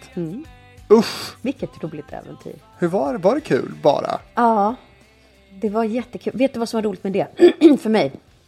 Det har ju inte så mycket med TV, TV att göra. Men jag fick ju bli... Alltså jag är ju gammal balettdansös. Så att vara med i Let's Dance var aldrig någonting för mig. Faktiskt. Eh, men så kom det här. Eh, och jag fick en chans att bli vältränad. Och liksom utmanas och utmana mina rädslor. Jätteroligt var det. Ja. Det, det här är också sånt där program som, som bara fick en säsong Mm. i rutan. Det berodde på att det var så dyrt. Eh, när man har tackat ja till det här programmet så glömmer man bort att Sverige är ett island, för man har gjort det här i England och andra länder. Men Sverige är man ett island och här har man liksom, eh, folk är på isen och tränar hockey och konståkning i Sverige. Så man kan inte liksom lägga ner tv-program mitt i det här, så man var tvungen att bygga en egen is. Kvarnholmen va? Kvarnholmen. Och då blir det ju jättedyrt. Så att då blir det svårt att räkna upp det där sen. För man kan ju inte göra andra isprogram där i veckorna liksom. Nej, nej, nej. Eh. Och Karina Berg och, och Carolina Gynning var programledare. Just det. Och vem vann? Vem vann? Ehm, jag skulle säga Jesper Blomqvist, men det var inte Jesper. Nej. Det var ju Annan kille. Marcus Fagervall. Ja, just det. Marcus Fagervall, den gamla Idol-vinnaren. Vinnaren. Ja. Ja, just det. Vad hände med honom? Det vet vi inte. Nej. Eh, men det, ja, nej, men alltså rent tv-produktionsmässigt då? Vad, alltså, hur var det att spela in Stjärnor på is? Det låter ju som sagt bara kallt, jobbigt. Det var jätte, jättekul. Um, läskigt kul och liksom ett, ett äventyr, enormt äventyr. Ja. Och vem var det du tävlade med? Med Johan Lundqvist. Har ni kontakt? Mm, lite, lite grann ibland, sociala medier. Ja, Skatar du någonting, eller på säga? Alltså, kör du på isen men någonting? jag snurrar ju lite mer än andra mammor när jag är ute och Ja, åker med mina döttrar. Det är bra. Mm. men tv-produktionsmässigt då? Var det också... eh, Storslaget. Ja, det var det. Ja, väldigt många som jag jobbat med här i Studio 1, alltså, eller här på SVT, var ju med där. Och sen 2013 då programledde du eh, Andra chansen i Melodifestivalen. Ja, också. Och ehm, vad heter det, kallar man det för? Alltså man inför programmen och sen hade jag ju efter programmen Ja. i Melodifestivalen. För ja. Danny och Gina leder då deltävlingarna, men du leder då Andra chansen. Hur, hur kom, vad är det för upp, För så har vi det inte idag liksom. Har vi inte? Nej. Nej, där leder ju programledarna liksom alla programmen så. Ja, det, det har varit lite olika från olika år ju. Mm. Alltså idag leder en programledare alla programmen, men vad vi vet. Men sen har det ju varit, vissa år har det varit olika programledare för olika program. Mm. Här. Och här var det så. Ja, så jag var tillbaka i Mello. Verkligen. Det är ett land du rör dig i Mm. Ja, och kommer tillbaka till, uppenbarligen. älskar Melodifestivalen. Varför då? Det är eh, lekfullt, professionellt, storslaget. Eh, det är inte det svåraste jag har jobbat med, det måste jag säga. Det är nog bland de lättaste produktionerna därför att det är så otroligt väloljat. Eh, mycket svårare än mina pytteproduktioner, till exempel ett Klara färdiga gå som jag gjorde, som för mig är det största, som ligger tidigare än, än, än det här i tid. Men, men Melodifestivalen är liksom, och sen är det många som tittar så det blir väldigt stort. Och, Musik är jättekul. Och kan man tävla i musik? Nej, det kan man inte. Så gör man det ändå. Det är ganska tokigt egentligen. Eh, För du får också kommentera då eh, för Sverige Eurovision Song Contest 2013. Eh, Och det var ju då i Malmö, något slags hedersuppdrag får man väl ändå säga. Eh, Svårt tänker jag också eftersom jag tänker att många svenska tittare ville höra liksom Petra Mede. Mm, men mitt, min uppgift var då... Eh, man hade, den kommentator som hade gjort det innan hade pratat över programledarna, alltså i Sverige. Eh, och blivit lite utskälld där. Så att vi såg ju till att, eh, att vara tyst när Petra pratade. Förutom de gånger man måste gå in och prata, för det finns vissa eh, luckor där, du som kommentator så är du ju programledare för den inhemska sändningen då helt enkelt. Så att mitt jobb var faktiskt att vara tyst. Eh, och, eh, så Och fakturera. förtro- för, förtroendet låg mycket i det. Nej, men jag tror att redaktionen vet liksom hur, hur jag eh, jobbar där. Att jag tycker om att vara tyst. Det låter konstigt, för jag pratar fort och mycket. Men jag tycker också om att vara tyst faktiskt. Gjorde du det själv eller var det ihop med någon? Ensam. Eller? Men sen så var jag väldigt ensam kände jag. Speciellt när jag liksom upptäckte hur många de här var i min i Sveriges Radios, min grannloge. Där var det liksom fullt med folk. Eh, och jag var helt ensam. Så att det var ju några som, som alltså Henrik Jonsson bland annat, han kom och satte sig bredvid mig. För att det blev så tråkigt. Eller tänk om du behöver kaffe eller, nå- eller vad som Ja. helst. Eh, så att han satt med mig där. Så vi satt faktiskt tillsammans. Men jag var ju den enda som var kommentator. Han var ju inte där på jobb. Han var, gjorde något annat i, Ja. i, i produktionen. Och höll dig sällskap Han höll mig sällskap. Jättefint tyckte jag. Och nu är det ju då så att, att ditt författarskap har ju liksom också lett dig till tv. Mm. Alltså det är ju lite roligt ju. För att ditt författarskap är ju någonting som, du pratar ju varmt om det och, och Mm. sådär. Det är kanske inte heller så många som vet då att, att eh, Sagasagor, Mm. heter det så? Eh, som tv-serie då nominerades till tv-priset Kristallen både år 2019 och, och 2020. Mm. Eh, hur tänker du kring det då? Att, att liksom, även det du skriver, Mm. liksom, vad, har, det, har det varit väldigt uttänkt av dig att det också ska bli tv? Nej. Nej. Sagasagor ehm, kände jag skulle passa som... Alltså jag kände väl att utbudet i tv var för plottrigt för små barn. Och då Jo, tänk, så att jag tänkte ja, att det, blev, det är för mycket intryck. Och med tanke på hur mycket barn sitter vid skärmar och så. ehm, så, så tänkte jag så här, nej men det måste väl gå att göra någonting som är lite lugnare. Snälla rara. Och då hade jag ju redan eh, sagasagor. Och jag visste redan att jag hade, att det var uppskattade böcker. Så att då eh, presenterade jag, utvecklade och presenterade ett format som byggde på att eh, ta ner tempot till ett väldigt lugnt och fint tempo för små barn. Hur små barn då? Eh, böckerna är ju för femåringar. Din favor- en av dina Ja, favoritåldrar. jag älskar att arbeta där. Um, sagasagor som tv-serie passar från två redan. För det går så lugnt i jämförelse med annan tv. Mm. Eh, så små barn ska ju helst inte sitta så mycket vid skärm. Nej. Men du får nästan som en ljudbok när du ser de här sagasagorna. Har du tur så rör sig ett öga kanske. Eller sådär. Det går väldigt långsamt. Jag som har en 12-åring som har varit eh, betydligt yngre också. Det är ju väldigt svårt att få barn att sitta still till långsam tv. Ett jättebra sånt exempel är ju Saltkråkan. Ja. Det går ju inte. Alltså, det, barn är totalt ointresserade. Det går inte att, de, de, skiter i Saltkråkan. De, de går ju hellre lämna rummet än att titta på det där. Liksom. Fast det är så roligt nu när man, man refererar ofta till barn-tv som vi hade när vi var små. Nu kommer man referera till Voxpop. De kommer bara, alltså när jag visade mina barn liksom, klipp från, de fattar ju ingenting. De tycker att det är mossigt. Så att det, vi refererar ju ofta till liksom, böcker och litteratur och serier och sånt där som vi tyckte om. Och det kan vara fint att se det också ju. Men, men eh, mycket behöver ju också uppdateras. Oh ja. Det kan man Det kanske verkligen skulle gå säga. bättre med ett nytt Saltkråkan då. Ja, just det. Hur går, det har jag också Hur går tagit upp. det där? Hur går det med det där? Det var- Eh, det var många år sedan som, som det lanserades. Jag har Ja. hittills inte sett eller hört eller liksom läst ett rad om det där. Kan det vara så att SVT har backat? Kan det vara så? Oj, oj, oj. Mm, det kommer en ny Ronja i alla fall snart. Ja, precis. Men det är ju inte SVTs förtjänst. Nej, det är inte. Eh, 2023 var du med i hela Kändis-Sverige bakar. Mm, det. Lite reality-tv. Ja, eller- Är det en dörr du öppnar? Varför är var du med så där? Mycket, är det så mycket reality-tv? Nej, men tävla Det är i tv, lekprogram. Nej, det är ett lekprogram. Det, det är det här jag sa när jag pratade om att få eh, skoja och blanda skoj och allvar. Eh, jätteroligt. Jag och Titti Schultz blev ombedda att vara med och ingen av oss eh, bakar mer än sockerkaka. Nej, men gud. Varför, varför vill man då vara med? Jätteroligt. Och vi lär, tänkte att vi skulle lära oss mycket. Och sen fick vi ju kakor som vi inte ens kunde namnet på. Fick googla. Ja, det fick man i alla fall. Ja, ja, alltså du får ju veta innan får du en lista. Men det, det kan ju låta som att då blir det ju lätt. Men tänk dig att du får då att du ska baka en Battenberg. Vet du vad det är? Nej, absolut inte. Nej, exakt. Låter gott då. Låter eh, avancerat. Ja. Men vadå, får ni inga recept? Nej, nej, då, allt får du lösa själv.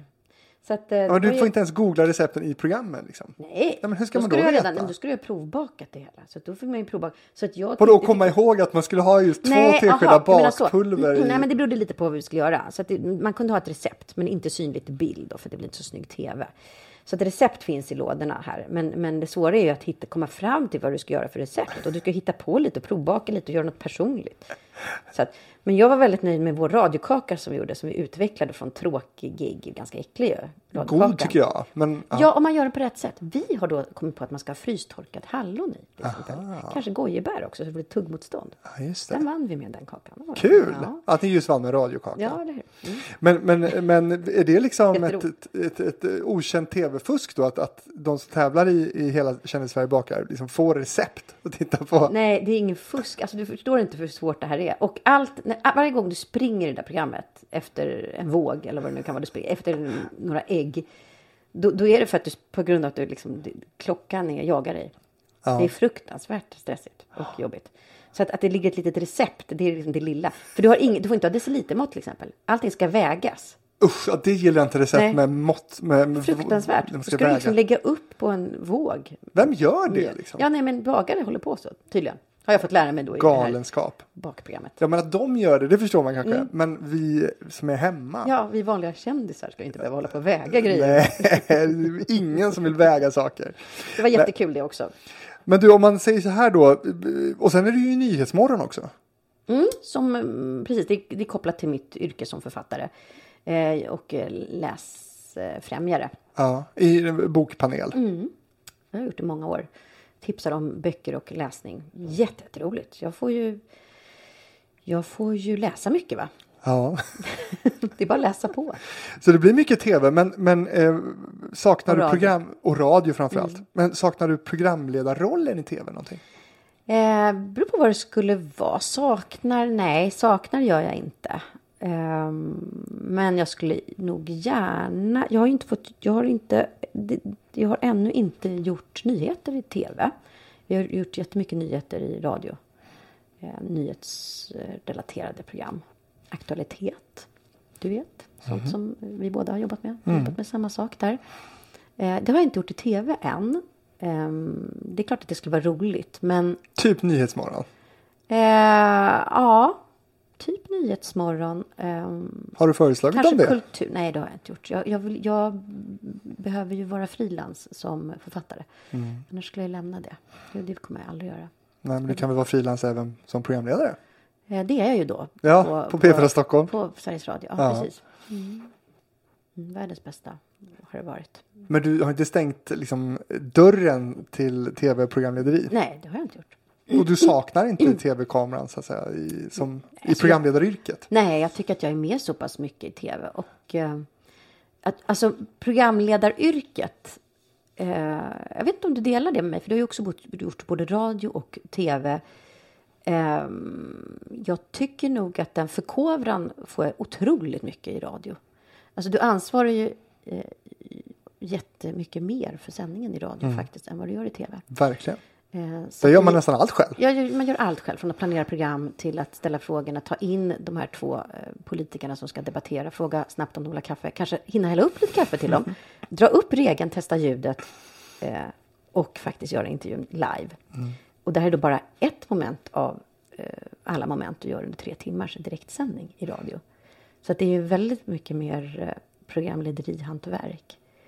Ehm, och jag uppskattar verkligen, jag tycker om liksom, från ax till limpa. Så därför trivs jag väldigt bra på radio. Men, Hur mycket radio gör du då när du har de här Ja, jag försöker tänka lite på det. författarkarriären Det har varit lite olika då beroende på om jag har haft så här.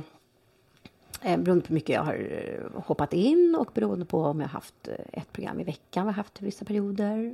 Morgonradio har gjort mycket då. Eh, men det kanske har varit mm, 10 till 20 procent.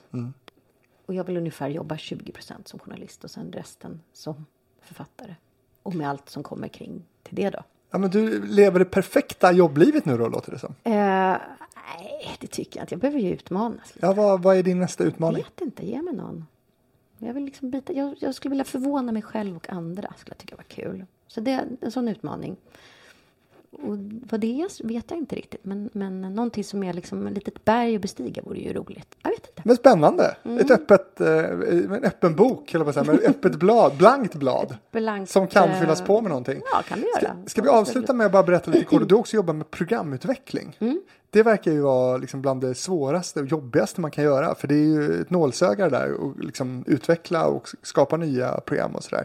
Berätta lite hur, hur hamnade du i, i den genren och hur hur gick det? Nej, men eh, jag fick utveckla ett eh, helt program till exempel som faktiskt sändes två säsonger.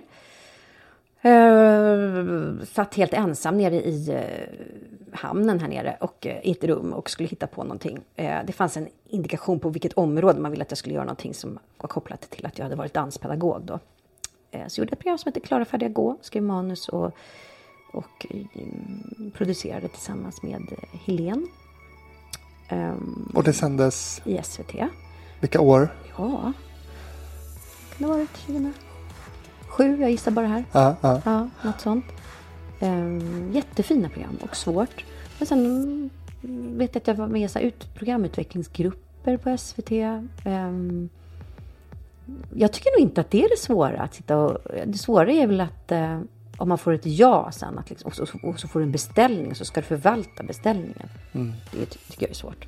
Men det känns som att det är många programbeställare som, eller förlåt, det känns som att det är många programutvecklare som, som jobbar just mycket med utveckling utan att det blir någonting. Så att säga. frustrerande tråkigt. Ja. Ja, det, det, så skulle jag nog tänka också att det Ja, var. jag har utvecklat några radioprogram också som inte kanske har blivit någonting då. Ehm, det är ju tråkigt. Ja. Eh, Josefin Sundström, Ja. eh, vi har pratat nu i nästan en och en halv timme Nej, om ditt liv i tv. Eh, och du som sagt hade ju dina dubier kring det här, men hur kände du? Var, hur, var det okej? Ja, men nu vill jag ställa frågor till dig vi har stängt av här nu. Faktiskt. Jag vill att du ska eh, visa mig runt. Eller jag vill att du ska liksom berätta hur du har det sådär. Absolut, det kan Ja, vi ordna. ja, eh, men är det någonting nu som jag borde ha frågat dig som jag inte har frågat nu innan vi avslutar? Nej, verkligen inte. Eh, jag tror att vi har eh, betat eh, igenom allt faktiskt. Jag har aldrig varit med om så noggrann research. Har, du- har du pratat nog om Säpop Ja, det, för den här gången? absolut. Innan vi gör dokumentären? Innan dokumentären görs. Det ska bli roligt att se den. Ja, verkligen. Eh, du som lyssnar, du är fantastisk som gör det och intresserar dig för det här och vill du så kan du kontakta mig på fabrikspost@gmail.com och så kan man ju då naturligtvis följa TV-fabriken i sociala medier. Det där vet ni. Josefin Du. Sundström, Du måste säga det här i början för ingen kommer att ha lyssnat så här länge. Så du måste faktiskt ta in där i din början du, också. du skulle bara veta de här nördarna som lyssnar på det här hur länge de tycker att det här är kul och tycker att det är för, för kort tid. Okej. Eh, Josefin Sundström, tack så mycket för att du var med. Tack snälla för att jag fick komma. Underbart! Roligt ju! Om vi går ner i svart